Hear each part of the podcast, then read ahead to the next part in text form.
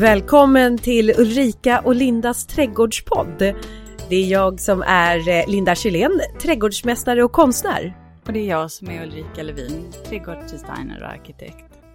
Hej du Linda! Nu är vi hemma hos mig idag och spelar in det här poddavsnittet. Ja, det här var också väldigt spännande att kliva in i din trädgård, precis som du fick göra hemma hos mig förra veckan. Och det var ju så roligt när du kom för att eh, du kom med en gammal resväska, lite vintage-stil i ena handen och en eh, liten bag i andra, blommig. Så att jag fick känslan av att det var som en eh, trädgårdsversion av Mary Poppins ungefär, när du klev in Ja, i jag tar det som en stor komplimang. Jag gillar det, det är sagovärlden där. Ja, nej, eh, men jag märkte det att eh, våra trädgårdar är ju också en del av våra personligheter. Och den här trädgården som du har, det känns väldigt mycket dig Ulrika. Den är väldigt ordning och reda, organiserad, eh, formklippt, välstädad eh, och många vackra bladverk. Eh, Men det är ju en spännande trädgård också som Ja, består av flera rum och det man ser på framsidan med fasaden och som vetter mot gatan med den här ganska lilla framsidan eh, så kliver man in på baksidan här och det öppnar upp sig i etager. Ja, men det, det gör det. Jag tycker jättemycket om eh, min trädgård. Ja, jag, Faktiskt. jag, jag förstår det. Det här är ett självporträtt. Ja, åh, så har jag aldrig faktiskt tänkt på det.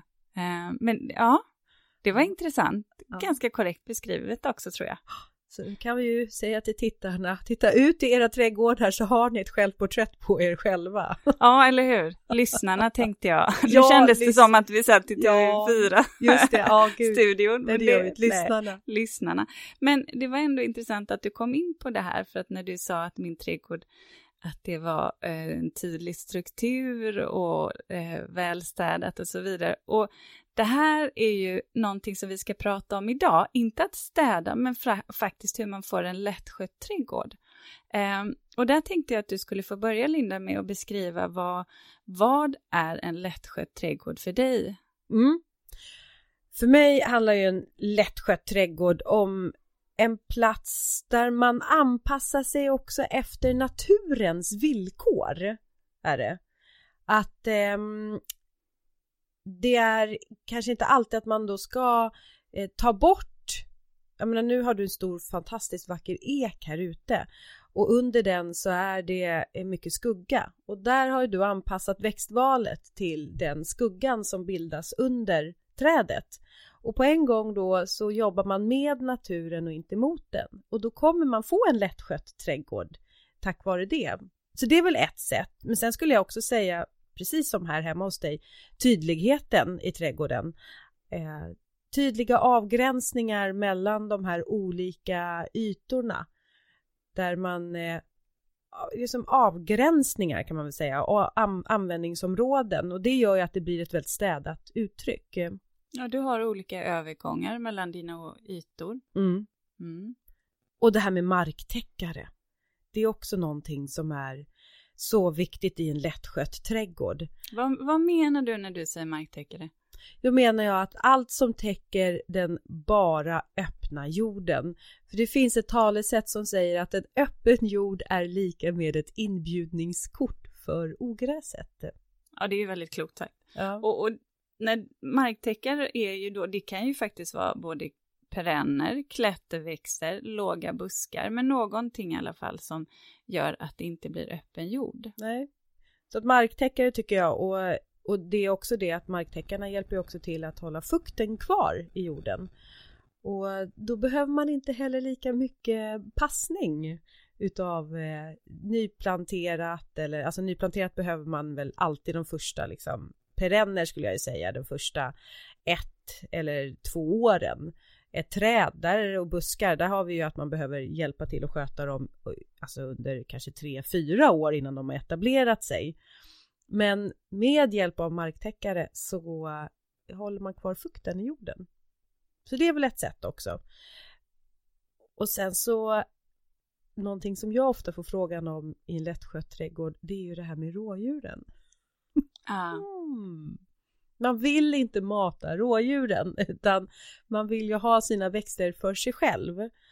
Och där har jag ett bra liksom, tänk som jag vill tipsa om och det är att man kan eh, kopiera många planteringar som man ser i offentliga parker. Mm. Det är där, smart tips. Ja, för där finns, de är ju så utsatta från då alltså harar och rådjur och, men de växterna står kvar och det måste de ju göra därför att de är mindre goda, smakliga för rådjuren. Mm, det är väldigt sant. Jag har ett annat knep när det gäller det här med rådjuren och det är att om man nu ska plantera en rabatt och så har man kanske svårt att välja, man kanske har fyra olika marktäckare som man vill ha, alltså sockblomman eller eh, vintergrönan, eh, skugggröna, funkiga kanske. Men bara, åh, vilken ska jag välja? Ja, men då kan man göra så här, om man vill absolut inte mata rådjuren. Ta och duka upp som ett smörgåsbord åt dem, mitt i trädgården. Så här, ställ ut ett bord och så ställer man fram, eller man kan bara ställa på gräsmattan, ställer man fram de här perennerna och så låter man dem stå i två veckor. Efter två veckor då har förhoppningsvis både harar och rådjur varit på besök och de kanske har börjat att äta vissa av de här växterna och de växterna som de har låtit vara, det är ju de man ska satsa på. Det är ju i och för sig också ett bra tips. Det är ett bra knep. Mm. Hållbara material i en lättskött trädgård. Det tycker jag också är viktigt. Mm. Vill du veta vad jag? Det ja, det vill jag veta. Ja. ja. Eh, och det här är ett ämne som jag skulle kunna prata hur mycket som helst om. Eh, men för mig så är en lättskött trädgård, det är en trädgård som har en välplanerad disposition faktiskt, där man har en bra planering och där man har en bra struktur eh, mellan ytorna. Eh, och det med, och faktiskt en viss, ett visst mått av självinsikt eh, som trädgårdsägare. Mm. För att vi har ju alla olika förutsättningar eh, och olika ingångar när det gäller eh, vår trädgård, både i kunskap, kanske tidsmässigt, ekonomiskt, vilja och så vidare. Eh, och merparten av de människor jag träffar vill ju väldigt gärna ha en lättskött trädgård, även om man är genuint intresserad av trädgård.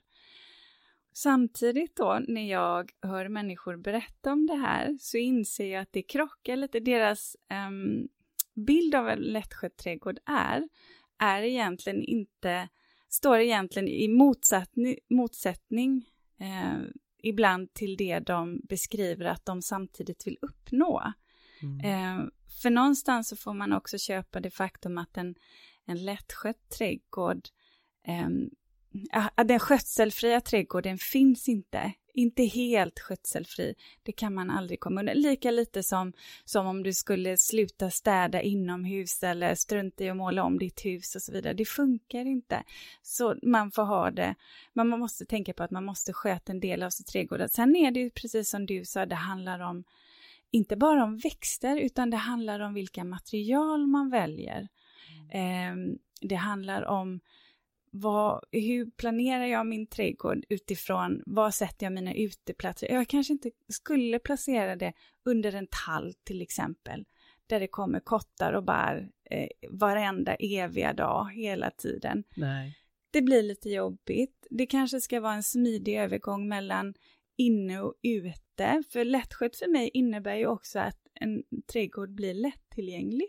Det är minst lika viktigt. Mm, verkligen. Eh men, och jag tänker också att det, det som är det mest arbetskrävande det är ju anläggningen av en trädgård. Det här att man nu ska sätta igång och gräva nya rabatter och tänka till vad de ska fyllas med för växter, eh, fylla dem med jord. Det är ju där jag kan tycka att man går bet för att det är det som är det mest arbetsintensiva. Har man väl planterat sin rabatt och man har grävt och fyllt den med jord, då är det ju egentligen skötselarbetet och skötselarbetet innebär ju kanske mera bara genom att se till att det finns vatten, eh, tillföra eh, näring och eh, såklart visst mått rensa ogräs. Men det är ju inte liksom ett tungt arbete utan det kan ju bara ses också som ett sätt att eh, vara i sin trädgård och, och spendera sin tid i trädgården. Och samtidigt så tycker jag att där måste man vara ganska ärlig mot sig själv för att vissa har verkligen inte intresset av att gå och pilla i trädgården. En del tycker det är ganska tråkigt. Eh, jag, eh, om man räknar jag själv, kan ju tycka att det blir lite tråkigt, även om jag verkligen njuter av min trädgård. Ja, men då måste jag ställa, vad har man då trädgården till om man inte är ute och jobbar eller liksom fixar i sin trädgård? Jo, men på ett sätt, det, det är klart att jag gör det. Eh, för att jag vill ju att det ska vara fint. Jag tar ju hand om mina perenner, jag tar hand om mina spaljer och pergolor som jag har och sköter om materialen och så vidare så att de ska fungera. Eh, men det är ju inte, det är inte primärt därför jag vill ha trädgård. Det är för att jag tycker det är vackert. Jag vill ha någonting vackert för ögat. Jag vill ha eh, en mysig plats att vara i. Jag förstår ju då att det kräver visst jobb av mig, men jag har ju också varit väldigt noggrann och det är ju mina projekt också, att tänka efter hur jag planerar allting, var jag sätter allt, eh, var jag placerar uteplatser, det vill säga att man ska kunna gå till dem enkelt. Jag vill man minimera måsten. Mm. Eh, och precis som du var inne på, att inte jobba emot naturen, utan att inse att vissa områden i ens trädgård kanske man ska släppa, eller man kanske inte ska hålla på och försöka plantera en världens perenna rabatt under, som du sa, en jättestor ek, utan man kanske får se, jag kanske kan välja två sorter eller viss typ av sort. Jag kan inte få lavendel under en stor tall till exempel, kanske. Så att det finns ju knep att ta mm. till. Mm. Um, för mig är ju också trädgården är ju en plats för tidsfördriv att ha en, eh, ett ställe där jag kan gå och få spendera mina timmar och ändå inte bara sitta och läsa en bok i trädgården utan jag vill ju vara i trädgården. Och då att få gå runt och, och ja, men sköta om trädgården, det är ju för mig också det här att eh, spendera tre, fyra timmar i trädgården ja. som tidsfördriv. Och det är så härligt när du säger det, för jag är så precis tvärtom. när du sa bok där, då, då fastnar jag Linda, ja. för det, där kan jag gå och sätta mig och, och titta, liksom läsa i en bok och så vidare. Eller så ser jag framför mig, nu sitter jag här på, på kvällskvisten och tar en drink eller ett glas vin och bara hänger med, med vänner och familj och så vidare. Det är så jag ser. För mig handlar det nog mer om utemiljö, känsla, snarare än det här, den här relationen till växterna som jag ändå upplever att du har på ett annat sätt. Ja. Det, det roar inte, och det är därför jag inte har valt att odla till exempel. Nej. Och det kan man väl också säga att um, om man vill ha en lättskött trädgård eh, så är det också, så är ju någonting som man kan testa med i liten skala, det är ju odling. Um, om vi pratar om om man vill ha en liten köksträdgård, för jag tycker ändå att det är, det är gott att kunna äta det man själv har odlat. Men odling av grönsaker och örter och bär, inte bär kanske, men det tar ju lite tid. Ja, i alla fall de här ettåriga grönsakerna, de tar ju tid för där är det ju, det är ju som odla som vi pratade om eh, eh, här i sommarblomsavsnittet, att där jobbar man ju med ettåriga som ska frösås, eller de ska sås och sen så ska de ju tas om hand om tills de börjar blomma och har blivit lite mera självgående. Och det är ju samma sak med grönsaker, men fleråriga buskar, ja men bärbuskar, rabarber, eh, menar, eller gräslök, fleråriga örter. Det är ju väldigt självskötande grönsaker. Men, men för att få den här, än en gång, lätta trädgården så handlar det ju fortfarande om att du måste på våren tillföra näring. Det är aldrig bara så att man kan få en prunkande trädgård genom att eh, du vid anläggningstillfället ger näring utan det där måste man ju göra varje år och det där är många som glömmer bort. Men vadå näring? Alltså kogödsel, jordförbättra med kogödsel årligen. Här säger du någonting som är jätteviktigt och det är vid anläggning, när man anlägger en trädgård, vare sig man så att säga har kunskap att göra det själv eller tar hjälp av en firma som sköter det, så är det ju så här att dina hårda material, de hårda strukturerna i trädgården, som dina gångar, ditt trädäck, ditt staket eller ditt plank, det är ju fixt och färdigt. Alltså år ett, då är ju det som absolut finast. Alltså i varje fall, det, ing, det, finns inget ogräs, det har inte hunnit komma någon smuts på det och så vidare. Men däremot dina gröna ytor, mm. som, eh, och framförallt om vi pratar, om vi hoppar över gräsmattan och tittar på, på buskar, dina växter, där är ju någonting som att de behöver ju, ja, ett, två, två år skulle jag ändå säga att de behöver för att etablera sig på platsen.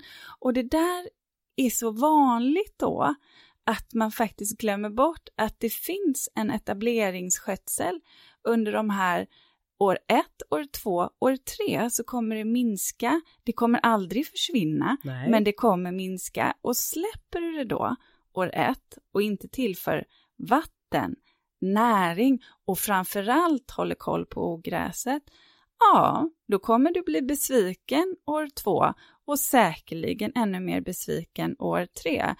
Och så kommer frågan, men det här skulle ju vara en lättskött plantering, Ulrika. Ja ja, men det är inte samma sak som att man bara kan strunta i den helt. Etableringsfasen är jätteviktig i en trädgård när det gäller det gröna. Ja, men det är ju som att bli småbarnsförälder. Ja! ja är det. Att man, eh, de, men det är bara det att trädgården eh, växer ju in och blir lite, alltså när de kommer upp och blir tonåringar i trädgården, ja men det är ju när man kanske måste börja och beskära och klippa till och hålla tillbaks det.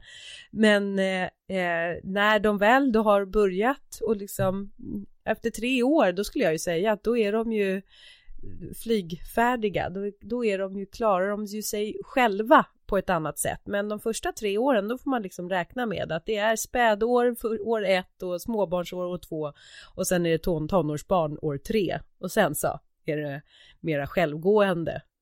Ja, och nu pratar vi mycket växter, men det är också för att jag upplever att att prata trädgård och säga att man vill ha en lättskött trädgård så kan jag uppleva att det många gånger innebär att, att äh, människor jag möter vill välja bort växter helt och så säger de att men, vi, vi tar några krukor istället, vi sätter några krukor. Då känner jag, åh herregud. Vad händer då? Krukor, liten jordvolym, man kommer behöva springa och vattna, tillföra näring och man kommer aldrig få den här atmosfären, känslan som jag hör att de vill ha. För det är därför jag, de många gånger anlitar mig, mm. för att de ser att det finns i min design. Och det är ungefär som att säga att, att bygga ett hus utan att sätta in möbler eller sätta färg på väggarna du kan ha det hur stramt som helst, hur yvigt som helst inomhus. Stilmässigt så spelar det ingen roll. Du kan få en lättskött trädgård egentligen oavsett stil. Men du kan inte välja bort dina växter. Nej, det, alltså det, det, blir ju ingen trädgård och växterna tillför ju också det mjukgörande. Växterna tillför ju också det livfulla i trädgården. Allt det andra är ju bara eh, hårda material så att det här att få in, och då pratar vi också nu om kontraster när det kommer till material. Men även kontraster skulle jag ju säga hos växterna. Här hos dig ser jag att du jobbar mycket med formklipp. Det är mycket avenbok eh, och jag hörde att du har ett nytt projekt här utanför med ligusterklot som du ska formklippa. Ja. ja. Men det här formklippt så sätter man det ihop till någonting som är friväxande. Exakt. Alltså där har vi väl ändå ett designknep va? Ja, så, såg du vad jag hade utanför mina gustiklopp där? Ser du det lilla gräset som har Ja, men jag ser hakonegräset. Ja, ja, precis. Ja. Och det tycker jag är jättefint. Friväxande, mm. så här lite rufsigt blir det. Mm. Men det där är ju som ju hemma hos mig, min trädgård är ju kanske mera eh, mera volumös. Den är, den är mer rund i, i former därför att jag har ju väldigt mycket friväxande buskar. Vet, vet du vad jag tänker på när jag Nej. tänker din trädgård? Då tänker jag på om, om man har sett eh, en trädgård i Italien som heter Ninfa som egentligen är väldigt övervuxen. Ja, men jag vet, eh, ja, jag vet vad det ja. Fantastiskt vacker, lite mer så Eh, fri men ändå eh, en, för du har också en tydlig struktur i din trädgård, även fast vi har vitt skilda stilar. Mm. Men det är också, det här att jag då låter de här friväxande buskarna få, få ta plats men att jag sen jobbar med nu eh, formklippta växter som jag försöker nu få, få igång och också men det där är ju att hålla på med formklippta växter som nu ditt projekt här med de här eh, degusterkloten. Oh, det är en övning i tålamod. det tar ett par år det. Okej. Okay. ja, men jag tänkte så här, mina barn har faktiskt blivit lite större nu. Så att jag kanske har lite, lite tid. Tidsfördriv, sa du det? I trädgården? Eh, nej, det gjorde jag inte. Det kan mycket väl vara så att jag hamnar på, på stolen bredvid här och bara sitter och eh, pimplar vin istället. Jag vet inte, jag vet inte, vi får se. Men, men, men, man ska också tänka på när man planterar en friväxande buske, lika hög som den blir efter tio år, lika bred blir den också. Så ge den rätt utrymme från början.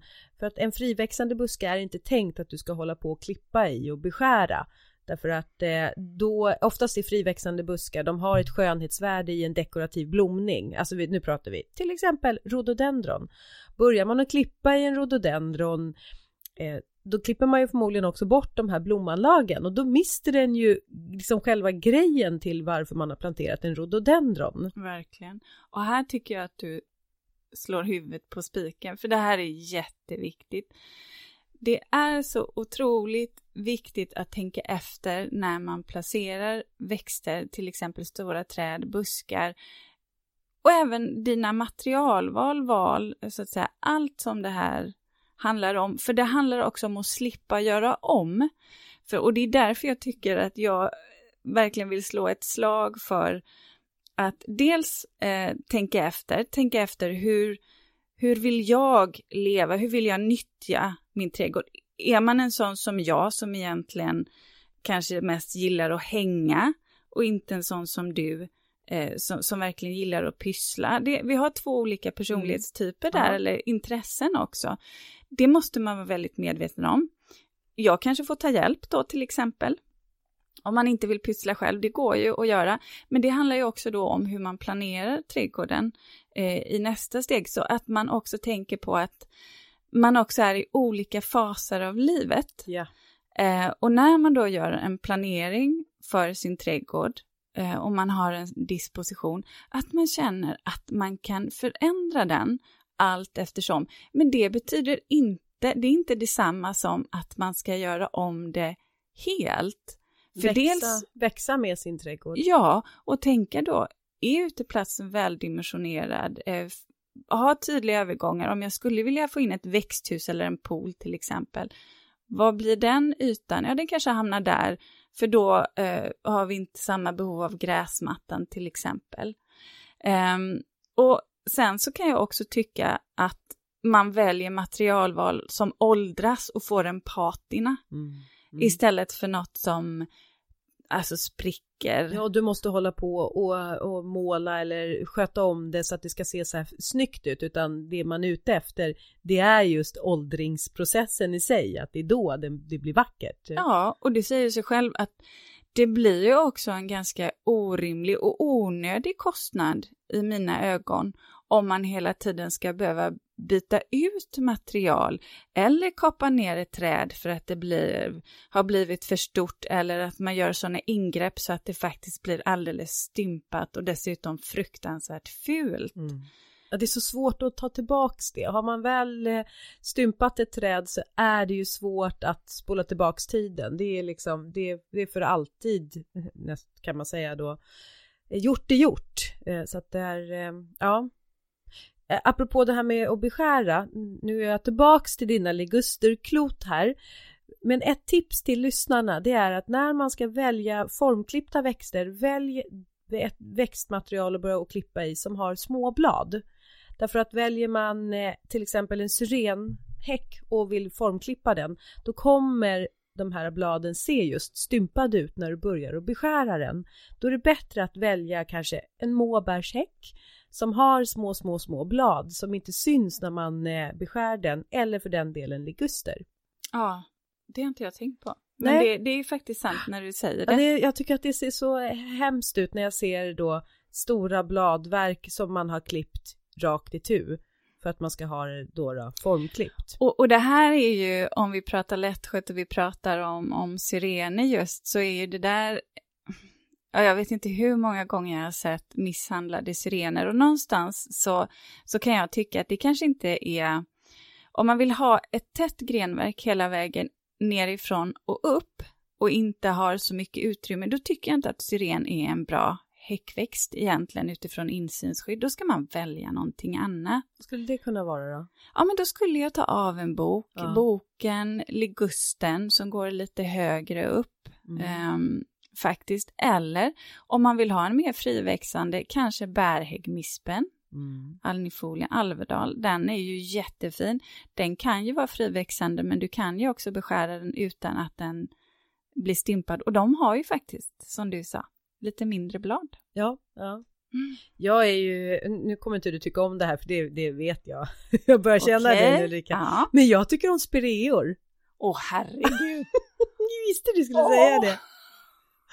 Nej men alla möjliga olika sorters spireor tycker jag är så, de, är, de har också ett skönhetsvärde med dess blomning och framför allt så är ju det också sådana här allround eh, buskar som passar både som friväxande, som formklippta och de eh, växer i de allra mest omöjliga lägen och det finns en sån mångfald utav spireor. Men alltså förutom blom, blomningen på riktigt, vad tillför de då? Jag tycker bara det är en en- skräp. Jag tycker den är risig, skräpig och sjukt tråkig resten av tiden. Nej men de, den är skir i sitt bladverk och skir i sitt grenverk och jag själv, jag återanvänder ju de här kvistarna, de här grenarna. På våren så gallrar jag ungefär en tredjedel. Nu blir jag alldeles så här hes vad jag blandades till med här. Nej men då gallrar jag grenverket och det här grenverket som jag då gallrar ut, för det behöver man göra på de här friväxande buskarna. Det återanvänder jag sen i min trädgård och så bygger jag små eh, ministaket och flätar det, likt som man kan fläta pil.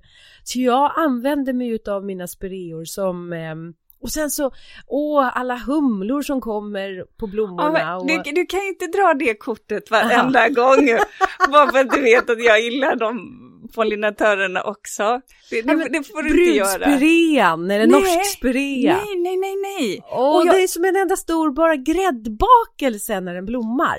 Ja, men alltså jag, var, jag, var, jag var faktiskt eh, på ett eh, uppdrag, ett kundbesök igår eh, och där de hade spireahäck och den, den, är, den var misskött också så att den eh, naturligtvis inte gallrad och då vet du, då lägger de ju sig Ja. mer eller mindre ner och blir alldeles för yviga.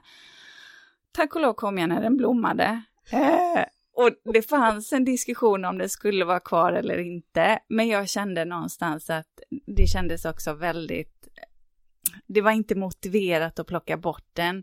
Och de här husägarna var ganska, de var okej med den, de var ganska nöjda. Och det fanns utrymme, men annars, nej, jag, nej, jag tycker inte att det är en bra Men häckväxt. vi har ju ett Instagramkonto, Ulrika och Linda. Där ska jag lägga upp schyssta bilder på spireor så får vi väl, får vi väl lyssnarna se då sådär. Men det är ju också orättvist, Jaha. för lägga upp schyssta bilder, de flesta spireerna ser ju inte schyssta ut måste jag säga. Men, Vänta, nu, pekar, nu tar du fram pek, Eller hur? här också. Ja. Vänta här nu så. ja, Jaha okej, nej men det här är lite som den där begonian vi pratade om sist Ja. också. ja, den har jag inte kommit över än. Men du, Nej, Nu- men jag nu kan ska vi tycka, inte nej, fastna. Men, nej, nej, men jag måste säga så här, jag kan tycka ibland att man går över ån efter vatten och ska ha så här väldigt vackra växter när det finns många växter som är lite folkliga och bara liksom eh, men som också har ett värde i sig, inte bara så här, nej men det där är så, åh de har jag tröttnat på, jag vill ha något nytt liksom så. så nej, nu tycker jag du drar det långt.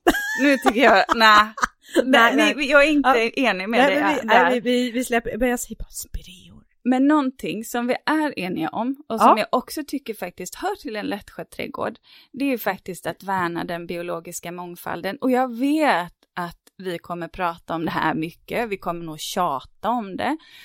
Och många människor som jag eh, möter i mitt arbete, som jag jobbar med, de kanske, jag tror ändå att de kan bry sig, men det, de är inte sådär jätteinsatta, så att jag ser det ju som att det är ju min mission att se till att deras trädgårdar får en bra mångfald. Så det tänker jag mycket på också mm. naturligtvis. Och också då, det handlar ju minst lika mycket om vilka växter jag väljer naturligtvis, men också vilka material jag väljer. Och att inte jobba med sådana material som kanske då innehåller gifter eller som kan läcka ut i naturen och kommer jag fram till någon som har gamla slipersmurar och så vidare, då ser vi ju till så att de får försvinna helt mm. enkelt. Alltså vet du vad jag är allergisk mot i trädgårdar? Nej. Plastmaterial. Ja, då, alltså, då är vi eniga. Där jag, det, det går inte. Det, det är någonting inom mig som säger att det här, det studsar, det går inte. Det är fel att ha plast i en trädgård. Eh, jag vet inte hur jag ska förklara det, men alltså plastmöbler, alltså det, ja, vissa kan väl kanske funka. Du hade faktiskt par snygga stolar här utanför. Det, det fungerar, men alltså allt det här, säg så här den här trädgårdskanten i plast. Ja, som eh, vittrar sönder och blir sol, eh, ja, av solen.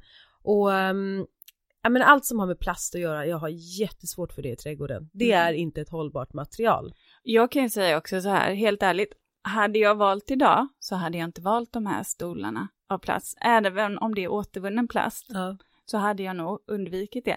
Men nu har jag dem. Ja. Och det tycker jag också är en aspekt, så att säga, att man bevarar eh, det man har istället för att bara köpa nytt. Ja. Um, är trädgårdskanten, jag måste ja, ändå komma tillbaka till den är väl jättebra. Därför att det är nog en av de här äh, lite triumfkorten, trumfkorten säger man, alltså man kan dra om man vill få sin trädgård att se så här tipptopp ut oavsett på året, eh, eh, dygnet höll jag på att säga, men om du har mycket eller lite att göra och inte hunnit fixa i din trädgård. Har man en trädgårdskant som håller ordning på gräsmattekanten, att inte den går ut i grusgången, eller tvärtom att gruset rasar in i gräsmattan eller kring sina rabatter, då ser det alltid ordning och reda ut. Och det här är ju någonting, tydliga avgränsningar igen. Jätteviktigt Linda. Ja, jag brukar kalla det eller ja, jag har hört att man kan kalla det för trädgårdens eyeliner. Mhm. Ja men titta här, både du och jag har eyeliner idag för att vi mm. ramar in våra ögon sådär. Mm. Det skapar en inramning, en tydlighet. Ja. Ja, jag har, jag har nog inte tänkt på det bara på så men linjer oavsett. Linjer. Jag, jag tycker det är en jätteviktig poäng att mm. definiera övergångar, ytor att var sak har sin plats och då är ju då en plattstålskant som du sa, det kan vara en granitkant, det kan vara någonting av betong eller trä för den delen, det kan vara upphöjt eller i nivå. Um, det kan ju vara vilket som, det jag tycker bara då när man har de här kanterna att man tänker på att man inte skapar snubbelkanter i sin trädgård. Uh, och det är lite viktigt. Mm. Um, det är väldigt viktigt. Ja, och då, där kan man säga, det finns det faktiskt lite bransch, uh, eller och nu får ni lite branschtips från en arkitekt. Tack, det tar ja. vi till oss. Vi lyssnar. När det gäller kanter, och det här är egentligen samma princip för trappsteg, men när det gäller kanter under 10 cm i en trädgård, det är en snubbelkant, för det uppfattar inte riktigt ögat. Kommer vi över 16 cm, om vi pratar till exempel trappsteg, då eh, kan det vara lite svårt. Om man har svårt att gå, om man är gammal, har något problem eller om man är ett litet barn. Så det knepet kan man bara ta så, med sig. Så man har aldrig kanter som är, vad sa vi, under 10 centimeter, vad sa du? Nej, i varje fall inte om man ska kliva upp på, alltså man Nej. har en kant mellan två olika ytor, sen säg en eh, grusyta till en gräsmatta mm. eller någonting liknande. Se till att den är åtminstone 10 centimeter. Mm. Och sen eh, om den är, men den ska inte vara oh, ursäkta, högre än 16 centimeter. För då får man nästan börja göra en trappa sen i ja. nästa steg. Det. Så, så det kan man ju tänka. Mm. Jag kan ju tycka att det är väldigt fint när, när kantstenar egentligen ligger i exakt samma nivå ja. som bara avskiljer emellan. Så att de blir väldigt diskreta. Ja. Har man en, ett, en plattstålskant som egentligen, ett plattstål är som man lägger ner i jorden, det är 3 mm tjockt och 100 mm eh, högt egentligen och det slår man ner i jorden. Och det här kan vi lägga ut en bild på mm. på vårt eh, Insta-konto Ulrika och Linda. Jag, För... jag, har, jag har också ett smart sätt när man ska lägga ut de här eh, trädgårdskanterna och speciellt om man vill ha runda och böljande former det är ju att ta hjälp av vattenslangen. Ta fram vattenslangen och sen så kan man lägga den i den formen som man nu önskar att gräsmattan ska ha. Och sen går man in i köket och där hämtar man en påse mjöl. Och sen strösslar man ut mjöl över den här vattenslangen. Och när man tar bort vattenslangen då har man fått en perfekt markering på vad man sätter spaden. Så behöver man inte hålla på och åka till bygghandeln och köpa sprayer för det tycker jag inte heller passar in i trädgården. Men mjöl funkar. Mm. Och nu har vi pratat en del växter också. Eh, och där tänkte jag att det måste vi komma tillbaka till när man gör sina planteringar. Jag säger planteringar eh, för att jag ofta tycker att när man pratar rabatt, det är ju exakt samma sak, men säger man rabatt så ser de flesta framför sig, du vet en rabatt som kanske är 70 centimeter bred. Eh, jag tycker att det här måste man också tänka till vad det är den här planteringen ska tillföra i atmosfär, både på höjd, eh, i bredd och så vidare. Och man ska inte vara rädd för att göra den lite större, framförallt kanske vid sin uteplats och så vidare. Och det här handlar ju också om då att man kanske har saker och ting i närheten av ehm, ja, men vid sin uteplats, att man har att man kan njuta av växterna där och sen kanske man kan ha en ganska clean trädgård i övrigt, men att man också tänker på att en lättskött trädgård innebär att det är enkelt att röra sig mellan ytorna, men också att man får en enkel tillgång till de ytorna man vill nå. Och då kan ju det handla om att fundera lite på varför lägger man uteplatserna? Jo, för det är där utgången från huset är. Det är egentligen lite knixigt, det är lite krångligt att ta sig igenom köket och korsa vardagsrumsgolvet och så vidare. Då kanske man ska fundera på, mm, en lättskött trädgård, kan det vara så att vi ska öppna två dubbeldörrar från köket till exempel? Mm, just det. Ska vi höja altanen? Ja. Ska vi sänka den? Sådana aspekter måste man också ta in. Kan det här stämma då? För det här är något som jag har snappat upp och det är att eh, i en trädgård så vill man hela tiden uppnå en balans och harmoni och genom att man också ah, har lika många använda ytor lika många oanvända ytor bör man ha. Så att om man nu har eh, trädgårdsland och rabatter, eh, ah, och då ska man kanske också ha lika många oanvända ytor där man egentligen då har gångar, kanske gräsmattan så att man får en sån här 50-50 procent. Har du tänkt på det? Ja, fast det tror jag, skulle jag börja räkna så tror jag inte att det skulle stämma utifrån från jag ritar trädgårdar eller offentliga miljöer. Men det är klart, titta på min egen trädgård, den är 670 kvadrat och säg att vi räknar bort 170 kvadrat för hus och, och mm. gångar och så vidare så har jag väl 500 kvadrat egentligen bara med grönytor, varav inget nu är gräsmatta. Nej, just det. Du har ingen gräsmatta kvar nu. Nej, så är det. Jag saknar inte den här. Nej, det, det gör inte vi heller, Nej. om vi ska vara ärliga. Mm. Annars så tycker jag att gräsmatta fyller ju sin funktion i en trädgård också, för den är, blir ju som en pausplats. Har man eh, väldigt många rabatter och mycket intryck i sin trädgård så kan ju den där gräsmattan bli den där Oh, här är det lugnt, här kan ögat bara få vila och få den där pausen så att man sen kan ut och upptäcka resten utav trädgården. Jo, men jag tycker gräsmatta är en jättebra yta. Det är ju en grön yta, den tar upp mycket vatten, eh, så att säga vid regn. Eh, och man kan nyttja den, den är väldigt slitstark under, under den säsongen, alltså den varma säsongen. Så att det är klart, jag tycker den, en gräsmatta har absolut sin plats i en trädgård om man vill ha det. Ja, men den behöver barn. inte vara så stor alltid och den behöver inte alltid heller vara rektangulär eller i Nej. skarpa kanter utan väv in den istället i trädgården. När jag gör naturlika trädgårdar mm. så, så är det ju så att säga istället för om man också pratar lite ur ekonom, ett ekonomiskt perspektiv om man inte har råd att lägga stengångar eller grusgångar eh, så brukar jag ofta använda gräsgångar faktiskt. Um, då tänker jag England. Ja, men det kan nog stämma. Många så här, liksom, klippta gräsgångar som är mellan, i, man är, besöker olika trädgårdar i England så är det mycket just gräsgångar emellan de här rummen i de här stora trädgårdarna. Jo men det är, det är det är ju faktiskt en aspekt. Sen är det ju så att säga, vi har ett litet annat klimat än Storbritannien och, och det, om man har en gång som man går på frekvent så är det klart att då tycker jag att man ska hårdgöra den, det vill säga lägga eh, sten eh, eller något liknande. För att annars så blir det inte lättskött. Den där kommer inte vara rolig i november, december, i mars till exempel.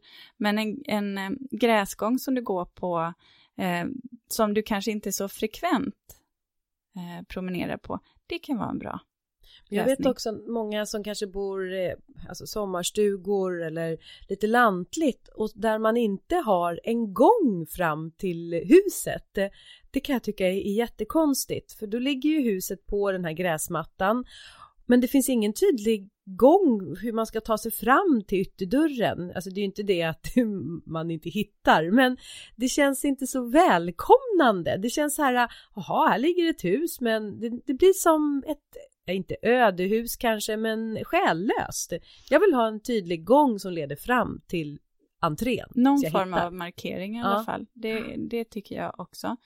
Men du, eh, nu har vi pratat en hel del ja. om Lättsjö trädgård. Har du någonting mer? Ja, du har märkt det. Jag, jag, jag har någonting mer att säga och det är att har man för många rabatter än vad man mäktar med så ska man våga lägga igen. Tycker... Eller ta hjälp. Eller... Det finns trädgårdsmästare faktiskt som man kan anlita. Kan vara ett jättebra knep också. Ja men det kan också vara så här att man kanske har rabatter som om man har köpt en trädgård eller ett hus, man köper huset och så kommer trädgården med, fast jag tänker att jag köper en trädgård så får man ett hus med.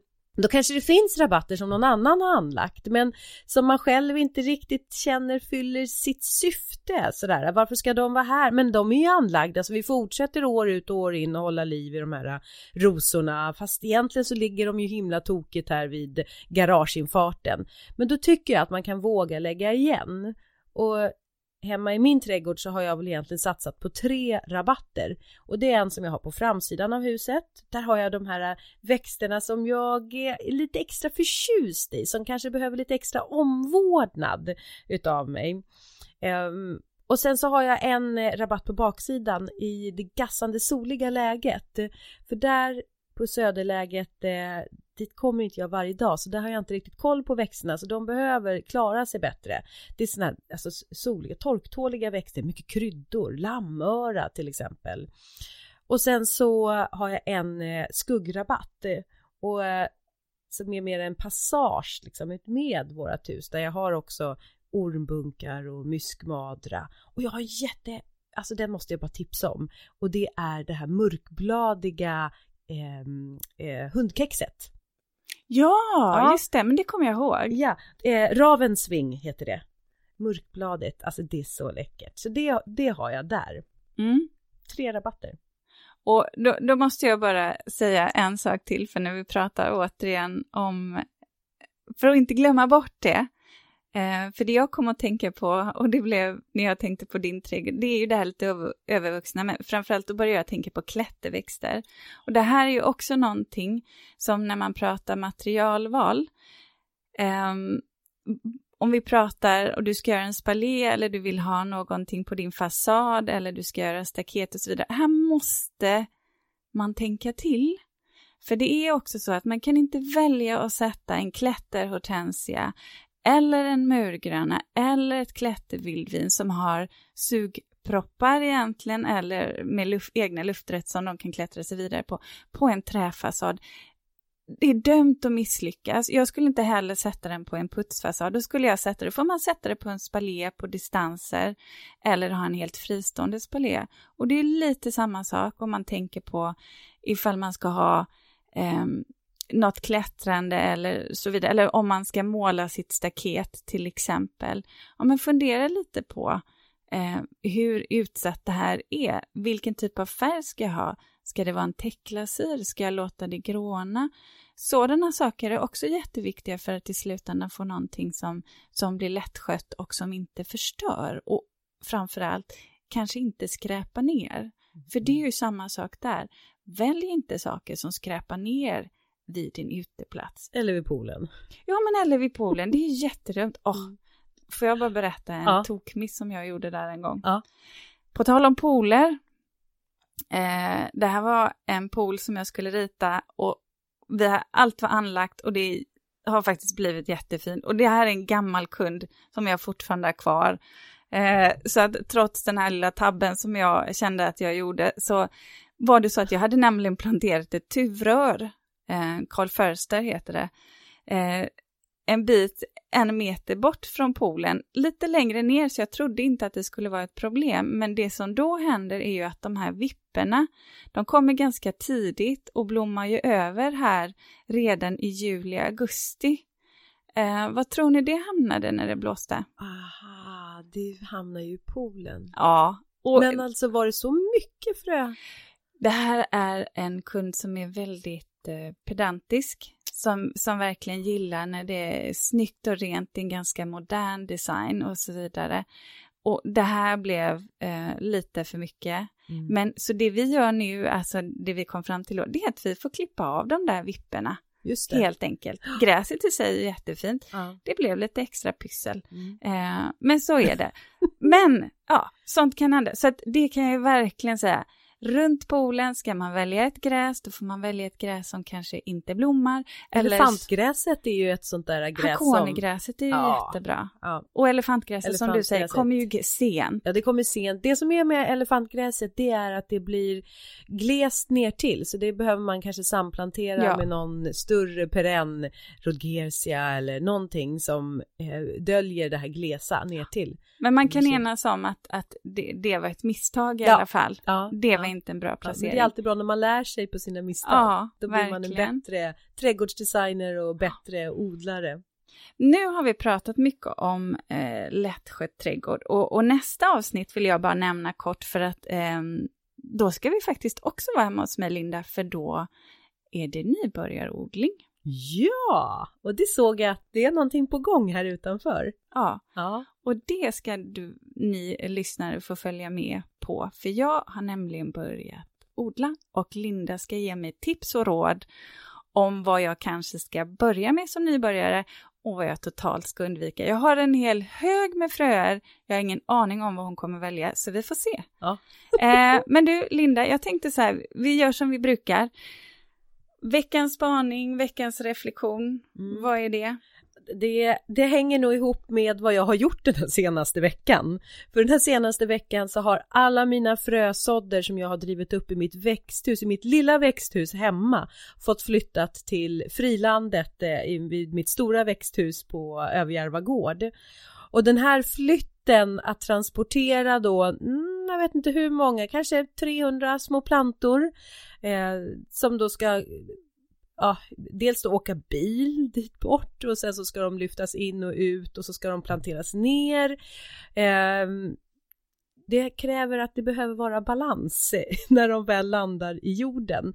Det gäller att sköta om dem där nu så att de inte får för lite vatten, för mycket blåst, för mycket sol. Det är som att, släppa ut eh, ja men alltså hästar eller kossor på grönbetet här. Det, det kommer bli skador. Så att eh, det är vad jag har gjort den här senaste veckan. Jag har krypit på knäna. Eh, har jag. jag har mer gått på knäna än, än på fötterna för att eh, vara där nere och plantera. Men det gäller ju nu som sagt att få de här nu att, eh, ja, att ta, att gilla läget. Och något som jag kom på som var så himla smart, alltså jag har ju julkvällar på Överjärva gård i november, december varje år där man binder julkransar och allt vad vi gör. Och då vill jag att det ska vara vackert. Så att jag har stora julgranar som jag ställer utom, utanför huset, eller växthuset. Och sen så har det där varit som, ah det dåliga samvetet, jag måste gå bort med de där julgranarna. Men de har liksom legat lite så här, som på en komposthög jag ska inte gå bort med dem och nu är vi alltså inne i juni, de är fortfarande kvar. Eh, men så bara slog det mig, jag behöver ju någonting som stöttar alla mina små frösådder nu, eller alla mina små bebisplantor som jag har satt ut. Eh, rosenskäror, sommarblommorna här nu som annars viker sig av vinden. Bara, vad ska jag ha? Då tittade jag på julgranen och bara, men de är ju perfekta! För de är så här skira i sitt grenverk så att det finns lätt för mina rosenskäror och alla dessa växter att greppa tag i. Och sen är de lite knottriga va? Eftersom där har ju barren suttit, vilket gör att de lite så här fäster fast sig i sommarblommorna. Så att eh, Ja, min, eh, det är vad jag har gjort i veckan. Gud, för jag trodde först att du hade barren kvar. Jag tänkte, skämtar du med Men du kan ju inte sätta Det ser ju helt... jag bara kände, oh, jag kommenterar inte där. Nej, barren är borta, de är borta. Ja, då fattar ja. jag. Och du vet, att sätta ner de här kvistarna då bland till exempel den här eh, buskkrassen som annars bara platt lägger sig på backen eller man sätter bambupinnar och försöker man hålla på att binda upp det här. Nej men bara ner med massa kvistar mittemellan krassen så kommer de naturligt vilja så här växa upp i det här. Vad har du hållit på med i veckan? hållit på med, men vi skulle prata veckans spaning, reflektion nu. Så jag, så jag tänkte, så det här är egentligen ingenting som jag har hållit på med. Jo, det kan man väl säga, för jag har ju tänkt på det. Eh, och nu blir det allvar, eh, Linda, nu blir det lite tyngre. Aha. Det är ju alltid också en del i min personlighet, de tunga sakerna. Jag tycker vi har fantastiska hjärnor som man ska kunna hålla koll på både roliga men också allvarsamma saker på en gång. Jag har tänkt mycket faktiskt på eh, i de här tiderna eh, saker som går under radarn. Sånt som flyger. När katten är borta så dansar råttorna på bordet. Och det här gör mig faktiskt orolig. Eh, genuint orolig. Ehm, och det är ju det här med att vi tappar bort det vi behöver göra för att uppnå våra klimatmål. Att vi ska stanna eh, under den här utsläpp Eh, på en och en halv, två, uppvärmningen på en, eh, en och en halv procent. Inte två, som många tror att det är, en och en halv borde vi stanna på. Eh, och det gör mig lite orolig nu när ett ärende ligger på regeringsbord om att man ska eh, ja, men tillåta, eh, göra en utbyggnad av ett raffinaderi i Lysekil. Mm, Mm. Som det har upptagit mina tankar att när vi är i en kris så är det ju också väldigt lätt att man glömmer bort andra kriser. Nu får vi se vad det här landar i, för att när det här sänds, då har det säkert kommit ett beslut i frågan. Jag vet ju vad jag tycker. Um, men det har jag inte riktigt kunnat sluta tänka på. Jag tror vi ska runda nu. Ska vi påminna om vårt Instakonto, Linda? Det tycker jag vi gör. Och det är Ulrika och Linda. Där kommer vi lägga upp bilder på eh, våra kanske olika rabatter som vi tycker om i våra trädgårdar. Eh, spireor kommer dyka upp. Nej, det tror jag inte. Det tror jag inte. Vi får se, vi får se. Ja. Men då tycker jag man ska ta både de, eh, de, hur de kan se ut när de blir riktigt fula också. Ah. Men ja, vi får se. Men eh, vi säger så Linda. Ja, Tack för idag. Tack för idag. Hej då. Hej då på er.